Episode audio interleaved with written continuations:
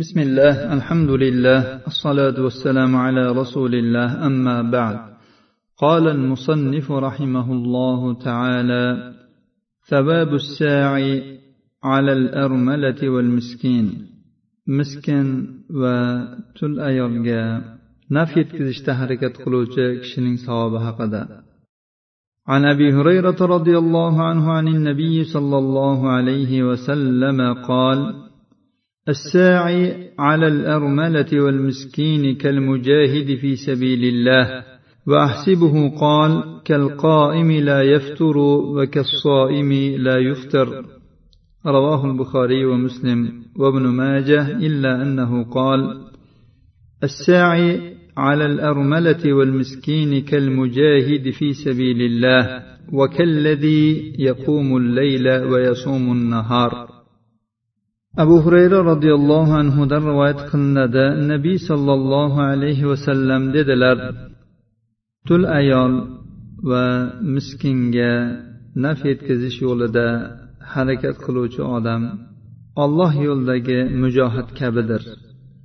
Va o'ylaymanki u kishi aytdilar u bo'shashmasdan tun bo'yi namoz o'quvchi va iftor qilmasdan doimo ro'za tutuvchi kishi kabidir imom buxoriy va muslim va ibn moja rivoyatlari faqat ibn mojaning rivoyatida kelganki tul ayol va miskinga harakat qiluvchi olloh yo'lidagi mujohid kabidir va tunda qoyim bo'ladigan kunduzlari soim bo'ladigan kishi kabidir ثواب كفالة اليتيم والنفقة عليه yetimni kafolatga olish va unga nafaqa qilishning savobi haqida قال الله تعالى ولكن البر من آمن بالله واليوم الآخر والملائكة والكتاب والنبيين وآتى المال على حبه ذوي القربى واليتامى والمساكين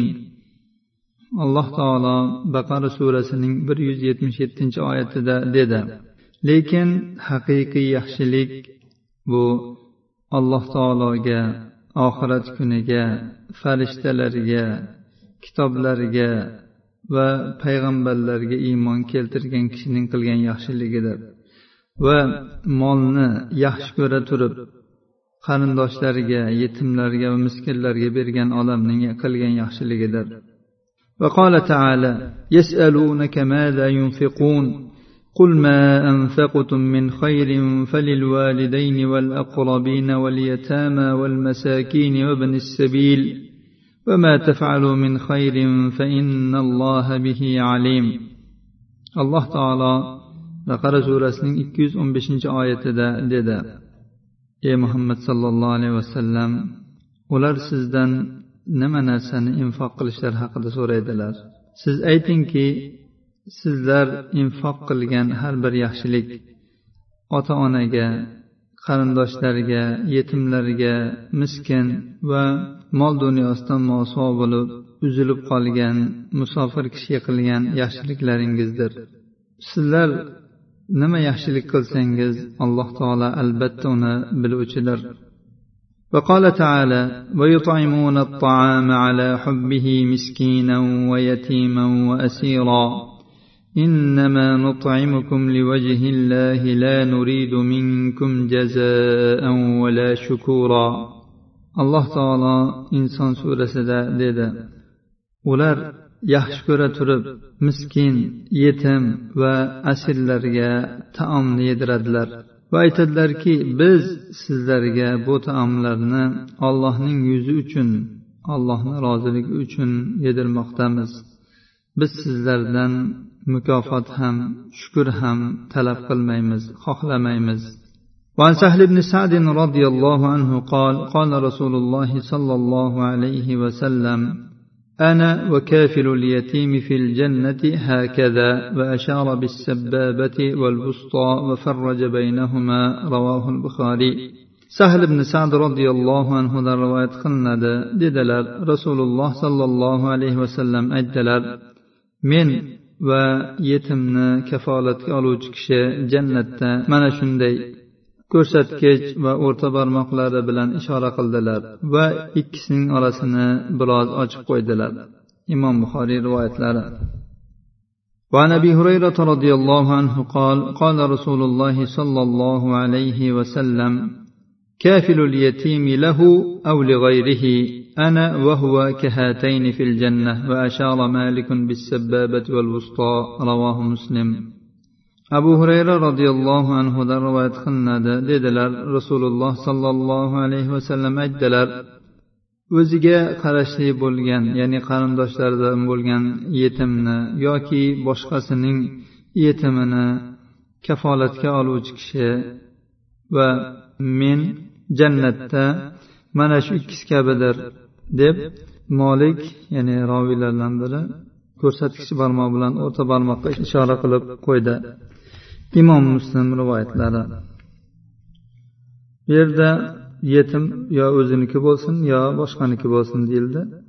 Boshqaniki deganda umuman begona odam tushuniladi. Begona o'ziga hech qanday qarindosh urug'chiligi yo'qini tushuniladi. Hop o'ziniki deganda masalan ayol kishi eridan qolgan yetimlarini kafolatga olishi yoki yetimlarning bobosi yoki momosi yoki aka ukasi kim bo'lishidan qat'iy nazar birortasi ularni shu o'z qarindoshlaridan biri yetimni kafolatga olganiga aytiladi. Yetim balog'atga yetmasdan boquvchisidan ajralgan bolaga aytiladi. O'g'il bo'lsin qiz bo'lsin. Balog'atga yetgandan keyin yetimlik undan ko'tariladi. Chunki u o'zini o'zi boqib o'zini o'zi boshqarishga imkoniyatli bo'lib qoladi. Bu bobda ya'ni yetimni kafolatga olish haqida ko'plab zaif va to'qima hadislar rivoyat qilingan. Biz bu yerda sahihlarini keltirish bilan kifoyalandik. Yetimni boshini silash unga rahm shafqat ko'rsatish haqida ham juda ham ko'p hadislar vorid bo'lgan. Bulardan birontasi sahih emas. Shuning uchun biz bu hadislarni keltirmadik.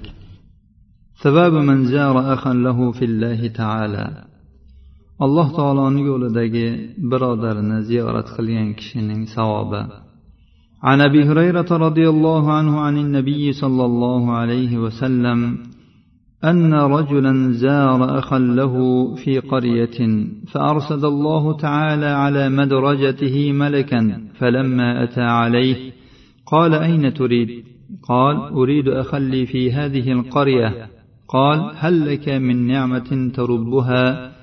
قال لا غير أني أحببته في الله. قال فإني رسول الله إليك بأن الله قد أحبك كما أحببته فيه. رواه مسلم. abu hurayra roziyallohu anhudan rivoyat qilinadi nabiy sollallohu alayhi vasallam dedilar bir kishi o'zining bir qishloqdagi birodarini ziyorat qildi ya'ni ziyoratiga otlandi. Alloh taolo bir farishtani uning yo'liga poyloqchilikka qo'ydi. Haligi odam farishtaning oldiga yetib kelganda u undan so'radi qayerga ketyapsan? U aytdiki mana shu qishloqdagi bir birodarimni oldiga. U aytdiki u birodaringni oldida sening biron bir manfaating bormiki sen uni isloh qilish ya'ni mustahkamlash uchun ketayotgan bo'lsang. U aytdiki yo'q. Biroq men uni olloh yo'lida yaxshi ko'rganman. Shunda farishta dedi men senga ollohning elchisiman. Olloh sen uni olloh yo'lida yaxshi ko'rganing kabi seni ham yaxshi ko'rdi. Imom muslim rivoyatlari وعن أبي هريرة رضي الله عنه قال قال رسول الله صلى الله عليه وسلم من عاد مريضا أو زار اخا له في الله تعالى ناداه مناد بأن طبت وطاب ممشاك وتبوأت من الجنة منزلا رواه الترمذي وقال حديث حسن وابن ماجه وابن حبان. abu hurayra roziyallohu anhudan rivoyat qilinadi dedi rasululloh sollallohu alayhi vasallam aytdilar kim bir kasalni borib ko'rsa yoki alloh taolo yo'lidagi birodarini do'stini ziyorat qilsa farishtalardan bo'lgan bir jarchi nido qiladi.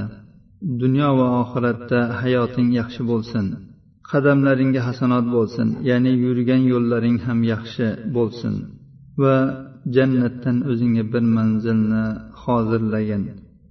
Ulamolar ushbu hadisni farishtaning so'zlarini jumlai duoya deganlar shuning uchun biz ham shunday tarjima qildik buni imom termiziy rivoyatlari ushbu hadisga sahih targ'ib va tarhibda ikki ming besh yuz yetmish sakkizinchi raqam ostida sahih deb hukm qilingan وعن انس رضي الله عنه عن النبي صلى الله عليه وسلم قال الا اخبركم برجالكم في الجنه قلنا بلى يا رسول الله قال النبي في الجنه والصديق في الجنه والرجل يزور اخاه في ناحيه المصر لا يزوره الا لله في الجنه رواه الطبراني في حديث واسناده جيد ان شاء الله anas roziyallohu anhudan rivoyat qilinadi nabiy sollallohu alayhi vasallam dedilar men sizlarga sizlarning jannatdagi kishilaringiz haqida xabar berayinmi Ular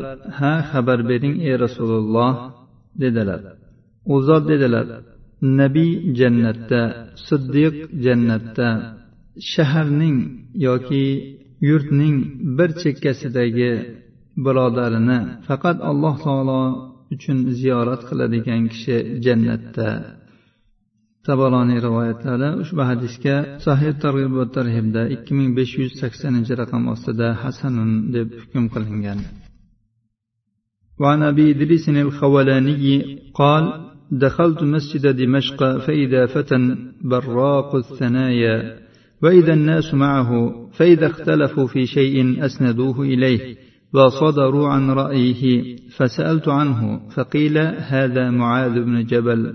فلما كان من الغد هجرت فوجدته قد سبقني بالتهجير. فوجدته يصلي فانتظرته حتى قضى صلاته ثم جئته من قبل وجهه فسلمت عليه. ثم قلت والله إني لأحبك لله. فقال آه الله. فقلت آه الله. فقال آه الله. فقلت آه الله. فأخذ بحبو ردائي فجذبني إليه. فقال أبشر. فإني سمعت رسول الله صلى الله عليه وسلم يقول قال الله تبارك وتعالى وجبت محبتي للمتحابين في وللمتجالسين في وللمتزاورين في وللمتباذلين في. رواه مالك في الموطأ وابن حبان. abu idrisin al havolaniydan rivoyat qilinadi dedi men dimashq masjidiga kirdim u yerda bir tishlari yaraqlagan bir yigit o'tiribdi. Odamlar u bilan birga. Agar ular biror bir ishda ixtilof qilib qolishsa biror bir masalada masalani unga olib borishmoqda va uning ra'yiga muvofiq bo'lishmoqda. Men u haqda so'radim. Menga bu muozimni jabal deb aytildi. Ertasi kuni masjidga erta bordim. U mendan ertaroq kelgan ekan. Uni namoz o'qiyotgan holda topdim. To namozini tugatgunicha kutib turdim. So'ngra uning yuzi tomonidan kelib unga salom berdim. So'ngra aytdimki allohga qasamki men sizni alloh uchun yaxshi ko'raman. U allohga qasammi deb so'radi. Men allohga qasam dedim. U yana allohga qasammi dedi. Men allohga qasam dedim. U mening ko'ksimdan tutib o'ziga tortdi va dedi xursand bo'ling.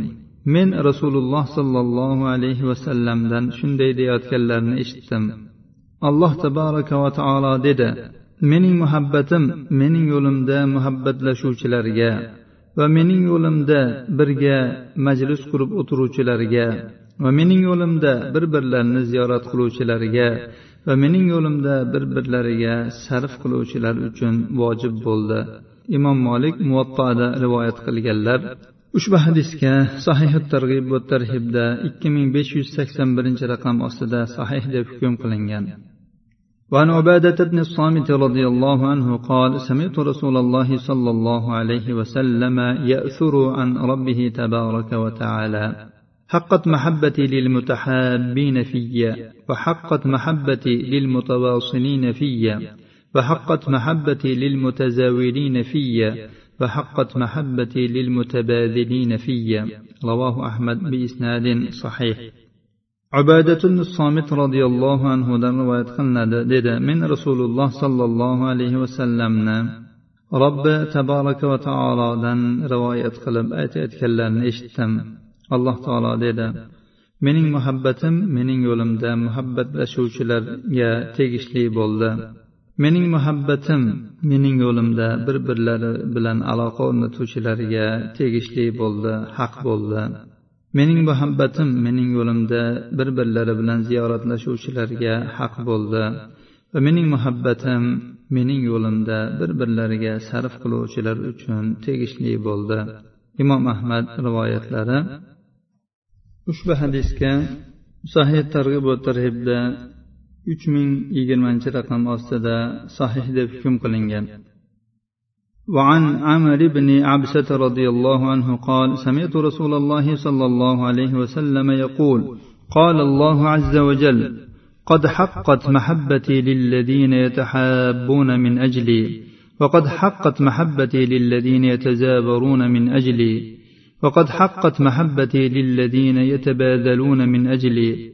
وقد حقت محبتي للذين يتصادقون من أجلي. رواه أحمد بإسناد صحيح والتابراني والحاكم. أمر بن عبس رضي الله عنه در روايت قلنا ديدا من رسول الله صلى الله عليه وسلم دن شندي ديات كلارن إشتم. الله عز وجل ديدا من محبتم من أجن محبت لشيات كلار tegishli bo'ldi. Mening muhabbatim men uchun bir birlari bilan ziyoratlashadiganlarga haq bo'ldi. Mening muhabbatim men uchun bir birlariga sarflovchilar uchun haq bo'ldi. Mening muhabbatim men uchun do'stlashadigan sadoqatlashadiganlar uchun haq bo'ldi. Imom ahmad taboloniy hokim rivoyatlari ushbu hadisga sahih targ'ib va tarhibda uch ming yigirma birinchi raqam ostida sahih deb hukm qilingan. Alloh subhanahu va taolodan o'qib o'tgan hadislarimizga chiroyli amal qilishimizni nasib aylashini so'raymiz. Alloh subhanahu va taolo barchalarimizga yetimlarni kafolatga olish tul beva bechoralarni hojatlarini chiqarish va alloh taolo yo'lida do'stlashgan birodarlarimizni olloh uchun faqat olloh uchun ziyorat qilishni ular bilan alloh yo'lida suhbatlar qurishni nasib aylasin va alloh taolo alloh yo'lida bir birlarini yaxshi ko'rgan birodarlarni alloh uchun quriladigan davralarda majlislarda o'rtalarini jamlasin هذا وصلى اللهم على نبينا محمد وعلى آله وصحبه وسلم